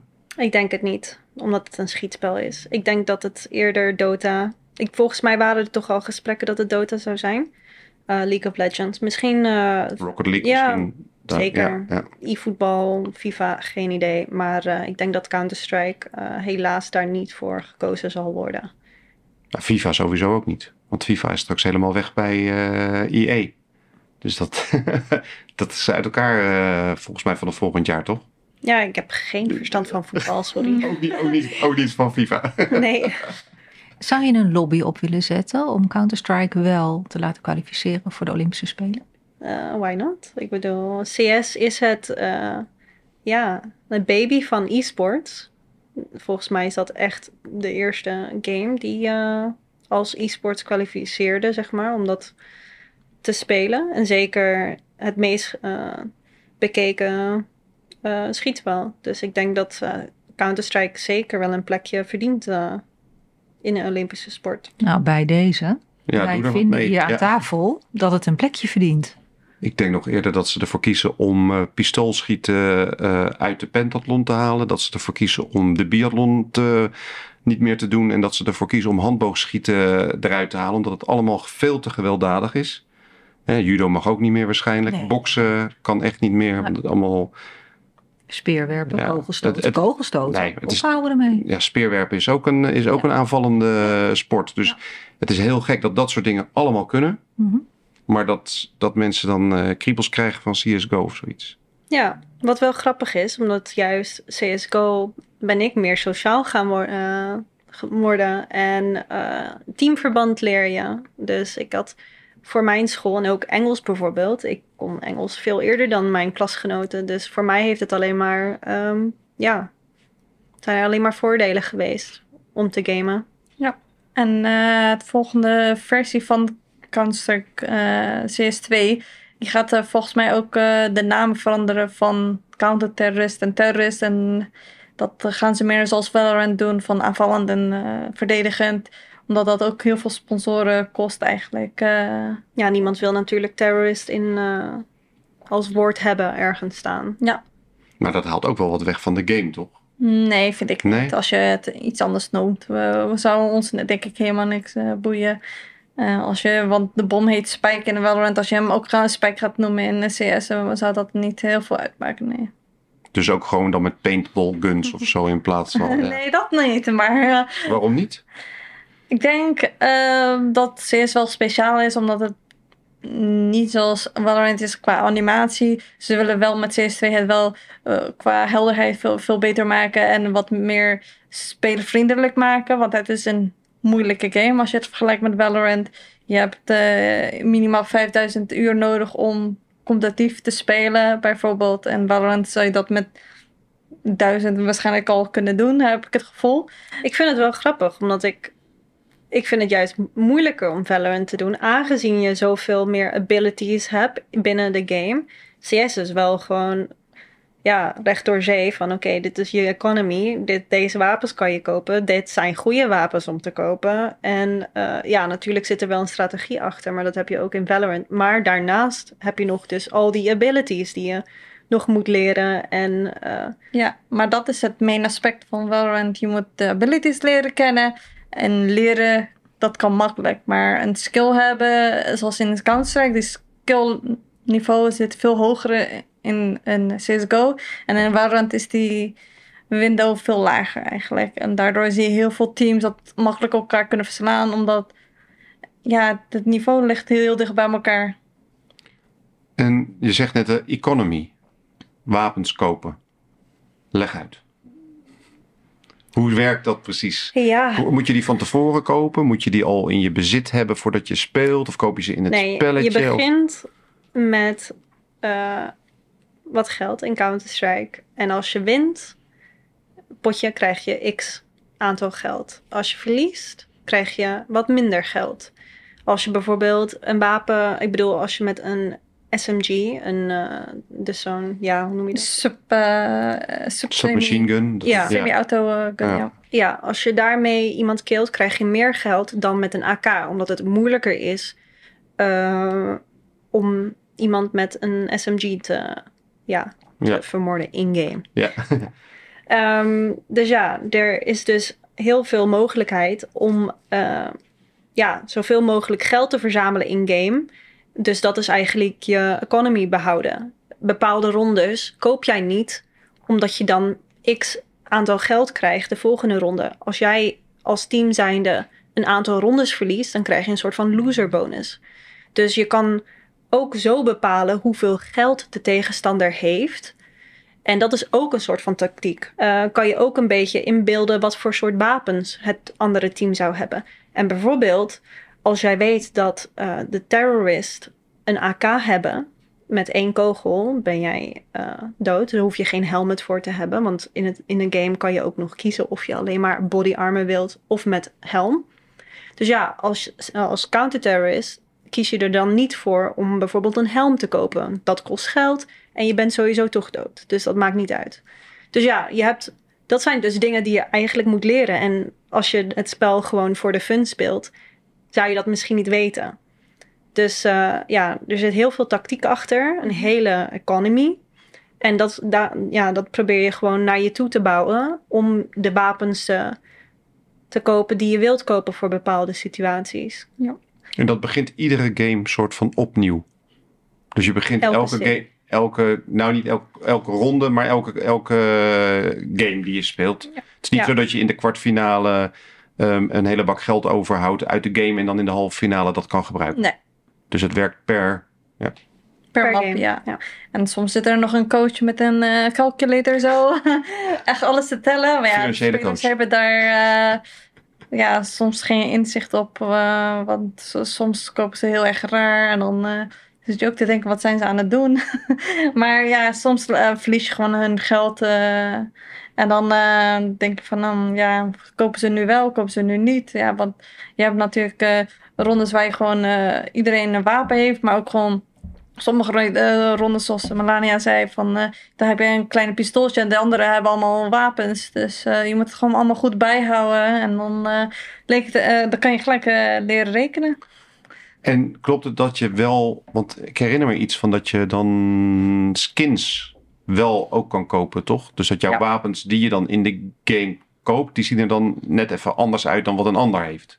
Ja. Daar zat toch ook een hele eh, Ja, real zit life ook- economie achter. Ja, er zit dus ook echt een marketplace hiervoor. En eh, er zijn mensen die echt dik verdienen door juist... Het is gewoon aandelen eigenlijk. Je koopt het in, je verkoopt het. Hopelijk krijg je wat geld ervoor. Ehm, ik heb bijvoorbeeld een, een wapen... Toen Counter-Strike echt eh, CSGO dan net uitkwam... voor 10 euro gekocht, omdat ik hem mooi vond. En nu is die... Het is de Glock Fate. Volgens mij is dat Mm, Ik zou nu, zeggen eh, 100 euro of zo of meer.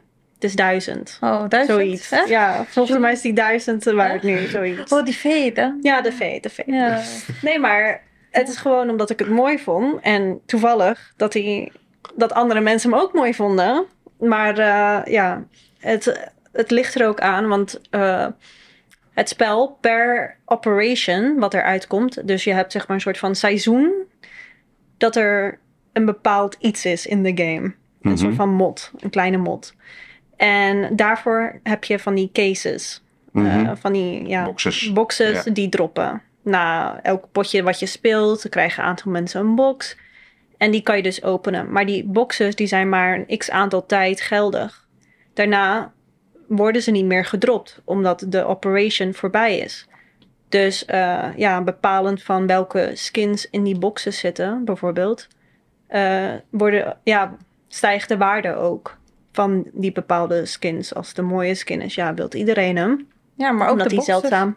Ja, ook de boxes, want dan heb je nog kans om die skin te krijgen. Dus de boxes zullen ook eh, in prijs verhogen. Dus ja, daar zit ook een hele market over. Maar dat heeft niks met wat wij doen te maken. Dat is gewoon voor de mooi. Dat zijn gewoon, ja, leuke dingen om te hebben. En ja, ook lucratief. Maar eh, dat heeft niks met je skill te maken. Of er zijn geen voordelen in-game. Dus het is niet pay to win. eh, wat wel heel veel games hebben.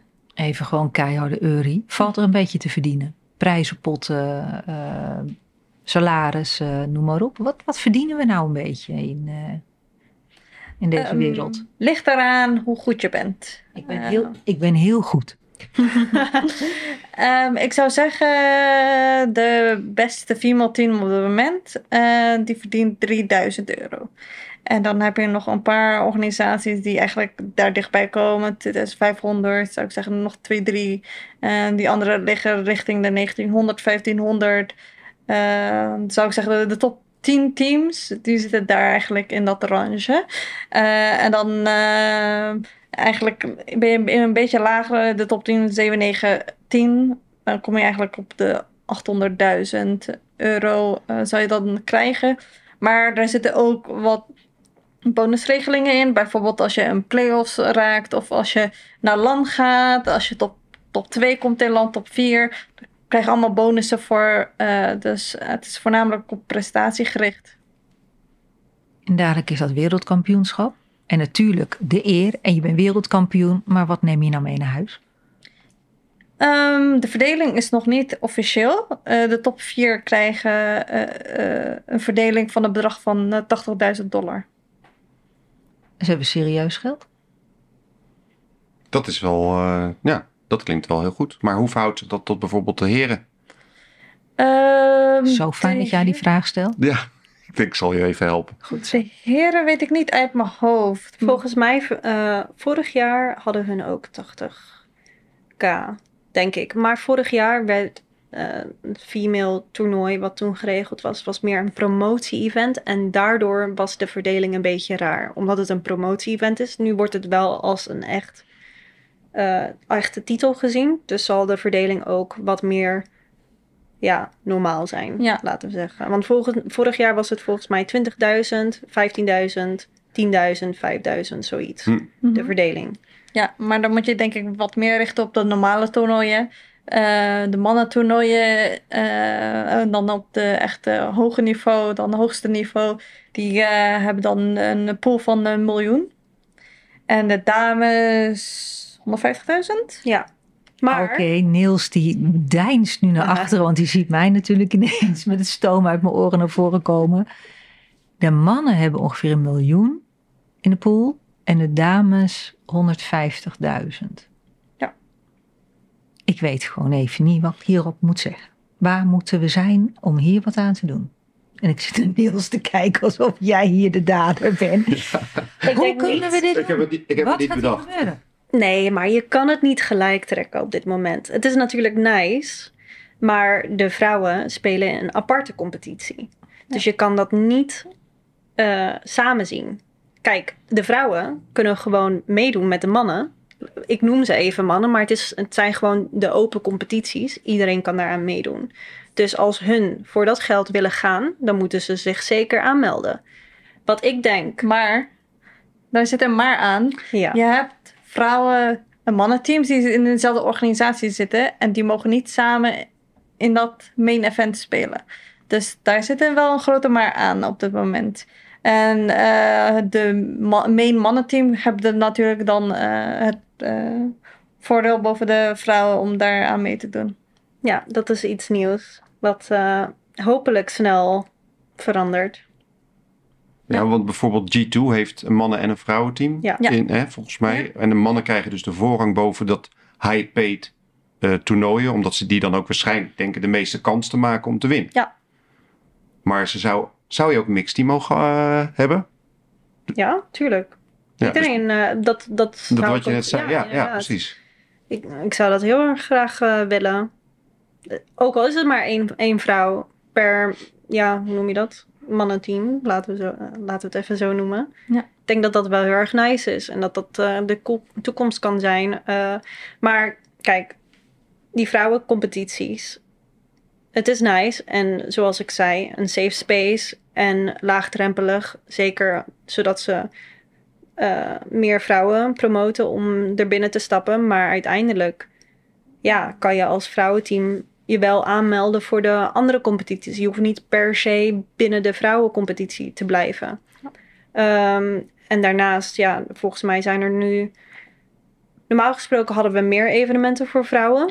Maar dat is een beetje tijdens eh, COVID weggevallen. Eh, je had Copenhagen Games, dat is nu twee, drie jaar eh, verschoven. Ehm, Girl Gamer Festival is er dan bijgekomen. Ja. Wat nog meer? Dat was het volgens mij. Ehm Zoe had ook wat. eh, Blast wou nog volgend jaar of dit jaar wat doen, maar dat is nog niet aangekondigd. ik denk dat dat er pas volgend jaar dan wordt. want Ik heb ook nog niks eh, gehoord. Maar ja, eh, de mogelijkheden zijn er voornamelijk door ESL. En dat zijn dus twee online seasons waar een finale aan wordt geplakt. Offline. Dus op een locatie de finale spelen. En daarnaast een standalone event. Dus dat is een online kwalificatie. Twee weekenden. En dan gaan de vier beste teams bijvoorbeeld eh, daar naartoe. Dus eh, dat, dat is het nu op dit moment. En het zou nice zijn. Hoe, hoe kunnen we dit verbeteren? Door meer evenementen te organiseren. En dan hebben we ook meer om voor te spelen. Op dit moment is het van.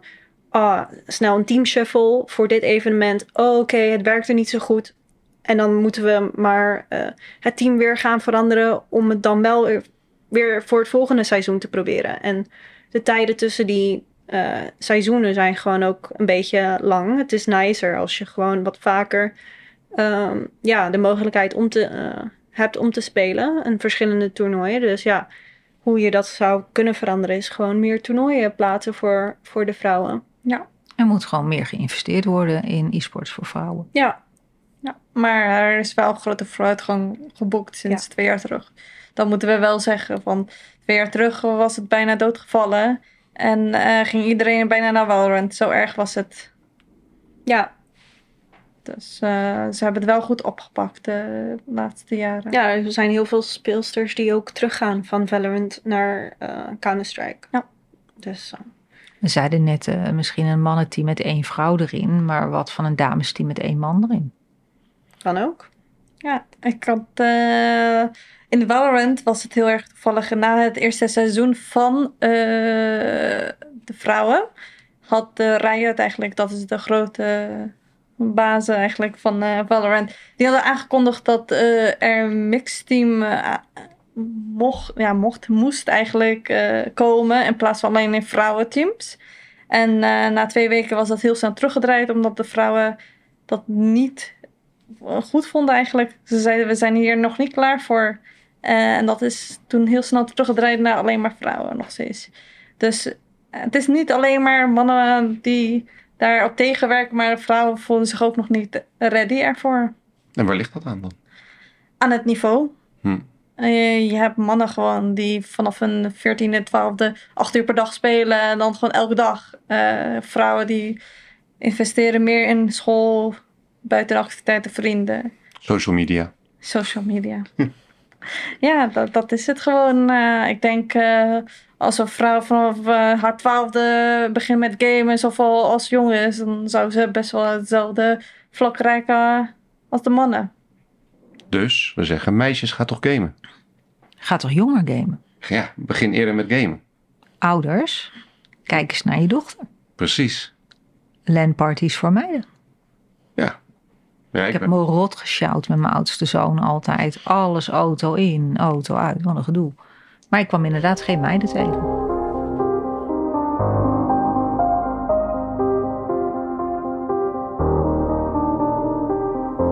Moeten we niet gewoon een heel goed marketingbureau eh, oproepen om te zeggen: hé, hey, hallo, zet eens even de dames e-sports teams op de kaart.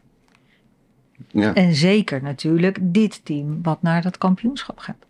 Nou ja, we hebben, je hebt net al aangegeven van wat heb je nou nodig om dat wereldkampioenschap te bereiken. En hoe ziet jouw pad daarheen eruit? Hè? En eh daar schreef terecht aan van eh, we doen ook funding. En eh, we hebben een, mooi shirt waar nog plek, plek voor is. Wat, eh, wat heb je concreet nodig? Stel je voor, er luistert nu iemand die denkt van Moet Ja. je bij Jinek aan tafel of zo? Ja, ja, ja of, of eh, ja, maar wat, wat, heb je, wat heb je concreet nodig? Is het exposure? Is het geld? Is het, Het is zeker exposure. Ehm, ja, en het stukje budget natuurlijk om eh, de bootcamp, verblijf, mensen te sturen. Dus daar is wel wat geld voor nodig. En eh, maar wat dus- is wat geld? Du- Duizend, tienduizend, honderdduizend? eh, ik heb geen concrete kostenplaatje nog, omdat eh, we het een en ander ook nog niet 100% zeker weten. In welk hotel we verblijven, welke dagen eh, we daar nodig zijn. Ehm, dat staat nog niet vast. Zodra dat er wel is, dan weten we het. Maar ook een stukje vergoeding voor het dragen van eh, de shirts en eh, ja, iedereen te representeren stukje exposure ook vanuit onze kant natuurlijk op eh, social media. En ja, iedereen wil het een beetje anders. We zijn best wel lenient erin. Het hoeft niet per se van we doen alleen maar één Twitter post, één eh, Instagram post en that's it. We, willen ook graag meedenken van hoe kunnen wij jouw bedrijf eh, helpen en andersom. Dus daar is echt wel ruimte eh, voor. Maar ja, het is voornamelijk wel eh, een stukje geld, want helaas kost alles maar wat. dus Ik denk als ik als ondernemer denk, ik ben een ondernemer. Wat levert het mij op als ondernemer? Denk ik dat je je ontzettend onderscheidt in je eigen branche. Wanneer je nou eens out of the box denkt en zegt, weet je, ik ga die e-sports in. En ik pak nu gewoon eens een damesteam. Hoe zie jij dat? Want jij bent ook marketeer. Ja, en ondernemer. Ah, ah, kom maar door. Hoe pak jij dit aan? Ja, ik denk dat, dit, eh, dat, dit, dat, dat je dit in je marketing moet, dat je dit moet gaan vermarkten. Dus eigenlijk zoals je een, een, een e-sports team eh, op een gegeven moment, die geeft ruimte aan hele goede spelers om steeds beter te worden. Maar die hebben op een gegeven moment ook een wereldkampioen of een Europees kampioen. eh, en, en die werkt eigenlijk andersom. Want die wordt dan het gezicht van dat e-sports team. En daardoor eh, gaat die, eh, dat e-sports team bij wijze van spreken dragen. In dit geval kan je er als ondernemer, als je creatief ondernemer bent, kan je letterlijk dit gebruiken om voor exposure. Dus voor, hey, kijk, we gaan naar Roemenië en eh, eh, we pakken het anders aan. We gaan met het vrouwenteam en eh, Counter-Strike. En oh, apart. Oh ja, dat past ook wel bij je, want je bent, je bent altijd creatief of je houdt wel van een uitdaging. Of het zijn van, de, van de tegenstellingen, vrouwen die schietspellen spelen of zo, hè, wat jij net ook zei Buiten de gebaande paden. precies buiten de gebaande paden. Dus ik denk dat je zo'n soort marketinggedachte erachter moet hebben. Je moet niet denken van oké, straks spreidt mijn bedrijf op allerlei billboards overal. Want dat is nog een stap te ver, denk ik. Maar ja, misschien is de instap ook lager. Daarom was ik wel nieuwsgierig bijvoorbeeld naar wat, welke kosten denk je aan. Eh, met hoeveel ben je geholpen of met hoeveel kan je op weg geholpen worden? Alle beetjes eh, helpen eigenlijk. We hebben wel wat sponsorpakketten. En bijvoorbeeld als main sponsor op ons shirt is er wel een x bedrag voor nodig. Ehm, ja, En vul de X dan in? ja oké. dus eh, voor de gold, eh, dus als main sponsor eh, is het 5k, 2k en 500. En 500 is dan geen shirtvermelding, maar meer ja, op onze social kanalen of hoe, hoe we je dan kunnen helpen. Of andersom, ja, het is natuurlijk beide wegen, beide kanten. Maar ehm, ja, de main sponsor, daar vragen we dus eh 5000 voor. En dan hebben we plek voor zes andere sponsoren. En dat is dan een prijskaartje van 2000. Nou, het is toch best wel mooi.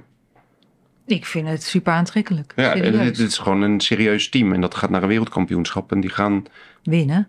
ze gaan winnen. Hey, En dan heb je de kans om daar als sponsor bij betrokken te zijn. Bij wel. wereldkampioenen. Hey, maar zonder een kijkje in de keuken te doen, eh, waar zijn jullie als team echt uitmuntend in? Wat is nou, als we bijvoorbeeld naar de Formule 1 kijken, eh, Max Verstappen, ja, die remt altijd als laatste. Die gaat niet aan de kant. Weet je, je weet gewoon als jij zijn sponsor bent, dan hoppa, ik ga nergens aan de kant, ik rem als laatste. Ik, eh, daar ga, wat, wat, wat, hoe kan een bedrijf zich aan jullie spiegelen? Waar zijn jullie heel, heel, heel erg goed in? Uitdenken bedoel je dan? Ja. Nou, ik, eh, ik denk dat jij wel hebt gezien dat Melania heel erg goed is in media en, eh, en dat soort dingen opzetten. En, en de rest van de dames niet echt, zou ik zeggen. Maar, Ehm, Beetje out of the box, eh, gezelligheid. We hebben het altijd Ja. gezellig en dat, die spirit houden er ook in.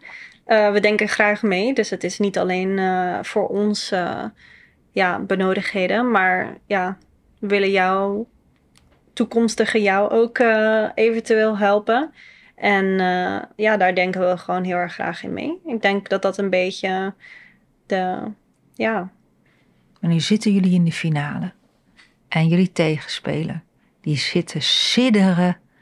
Omdat wanneer jullie dat of dat of dat doen, dan zijn ze kansloos.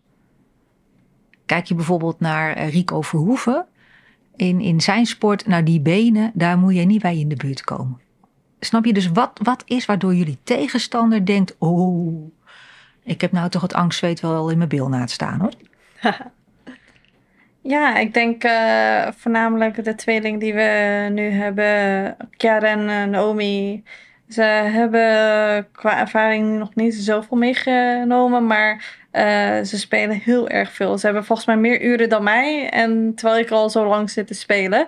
Dus eh, ze kunnen heel hard schieten. En ehm, ja, ze zijn ook niet bang voor de meeste dingen. Soms, volgens mij, hun ergste vijand is zichzelf, eh, zou ik al zeggen. Uh, dat denk ik dat dat ook uh, ja, de leeftijd is. Maar uh, dat zou ik zeggen, ik en Melanie zijn heel erg ervaren personen. Dus wij kunnen heel veel meegeven. En wij kunnen het team ook heel erg meebrengen. Dus ja, je hebt daar gewoon een hele goede balans in. En ik denk, andere teams hebben dat niet. Dus ben jij een bedrijf met lef? Weet jij de balans te houden? Weet je met elkaar de klus te klaren? Ja, dan ben jij natuurlijk gewoon de gedroomde sponsor van dit team. Zij dragen uit wat jouw kernwaarde ook is. Of zit ik er helemaal naast nu, meneer de marketeer? nee, dat doe je heel goed. Ja. Ja, ik, ik, zie, ik zie dat ook zo. Uh, ik zie dat ook zo. Ja. Ik ben ook wel. Uh, het is ook wel leuk om te gaan volgen wat er gebeurt. Uh, zijn jullie in, in de samenstelling van de teams die dus komen, zijn jullie mm, bij de favorieten? Ben je een dark horse? Ben je een underdog? Hoe zou je jezelf positioneren? Want als je zo over die tweeling vertelt, dan klinkt het ook bijna een beetje mysterieus. Alsof, alsof het een tweeling is waar mensen nog niet alles van weten. Dus dat het een soort dark horse uh, gevoel krijg ik daar een beetje bij. Ja, um, drie jaar geleden eerlijk gezegd, toen uh, maakte ik ook even kort de overstap naar Valorant en uh, weer terug voor zes maandjes. En toen keek ik even naar hun, me eigenlijk op, toen waren ze nog 16. En toen dacht ik van, oh oké, upcoming Nederlandse meisjes, maar ze waren toen nog niet geweldig. Drie jaar later denk ik van, oh, zijn dit nog steeds dezelfde meisjes van drie jaar geleden? Um, en ik denk in, het algemeen uh, hebben gewoon heel veel. eh, onze skillniveau is best wel hoog qua team. Als je het allemaal samenstelt.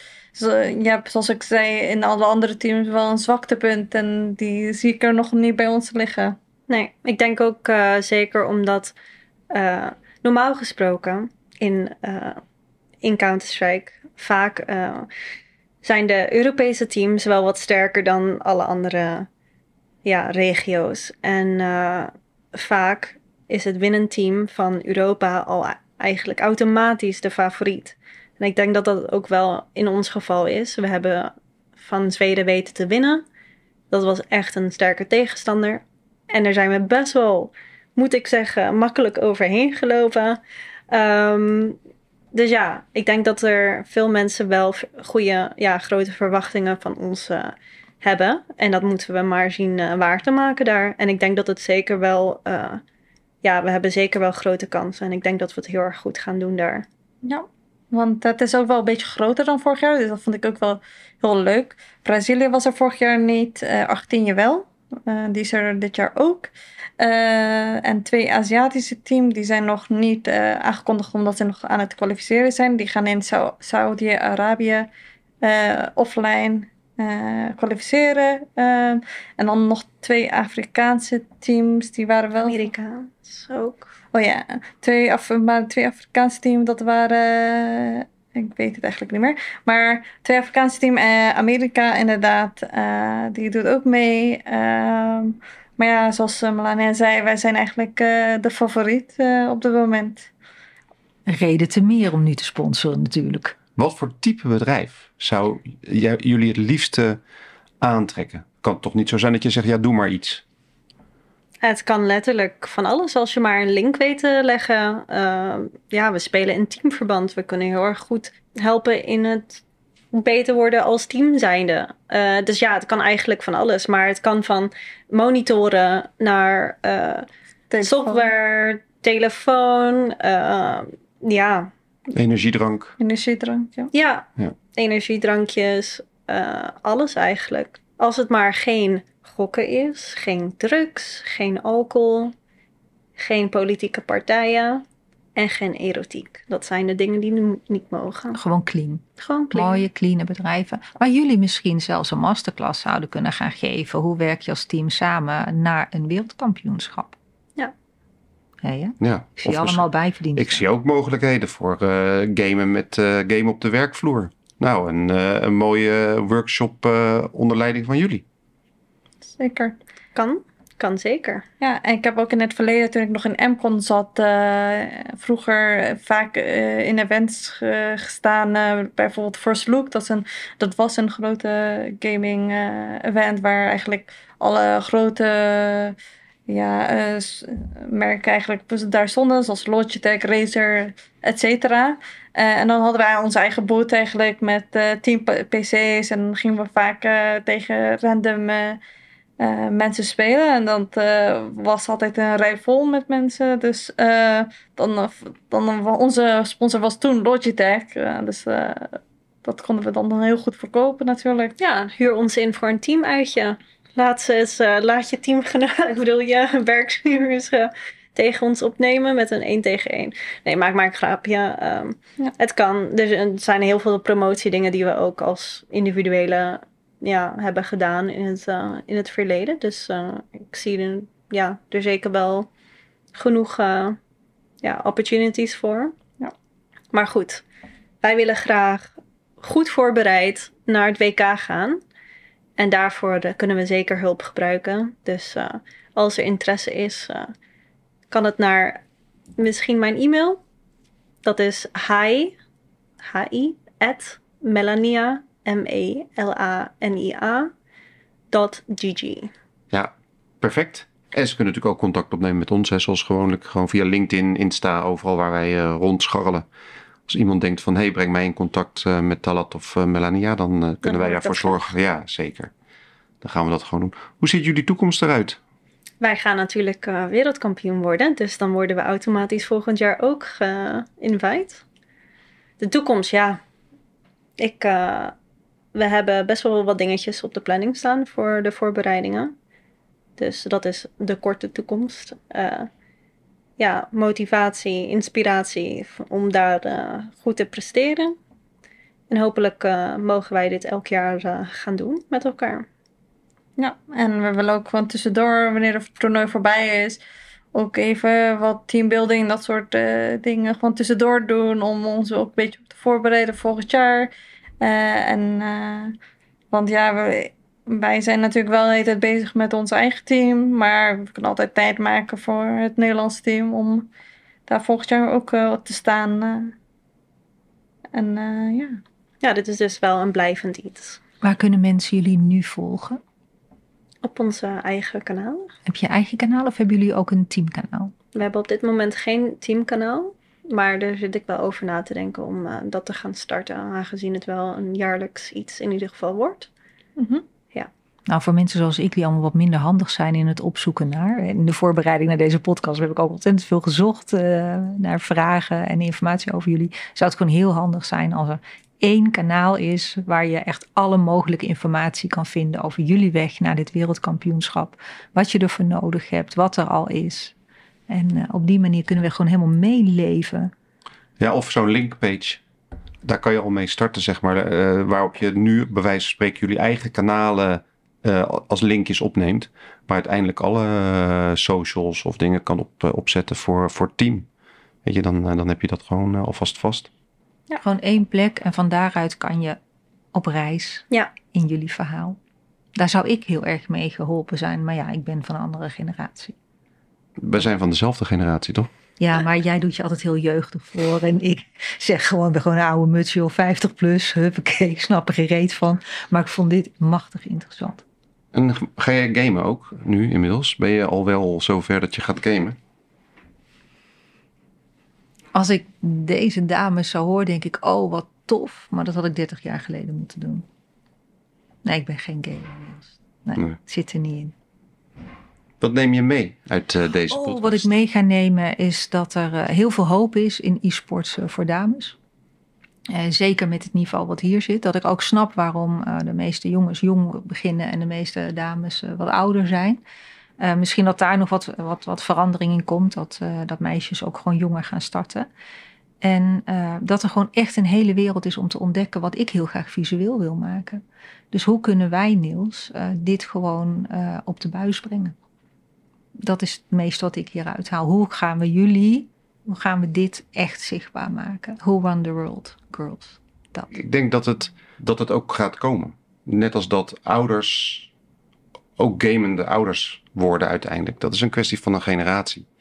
Ik denk dat voor, voor, voor dit, eh, precies wat zij ook al aangeven, dat het, dat het al heel erg aan het veranderen is. Dus dat we in een transitiefase zitten waarbij je steeds meer gamende meisjes, vrouwen ziet. Eh, in, en, en dat dat ook gewoon heel positief uitstraalt naar de, naar de jongens en de mannen wat dat betreft. En dat de krabbenmand, die is nou echt gewoon is verleden tijd. Daar stoppen we mee, dat geroddel en dat gezeik met die meiden en die vrouwen onderling.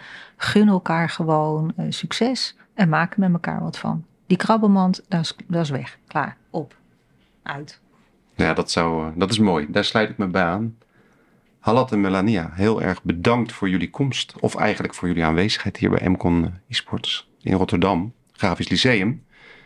Eh, ik heb genoten van jullie verhaal.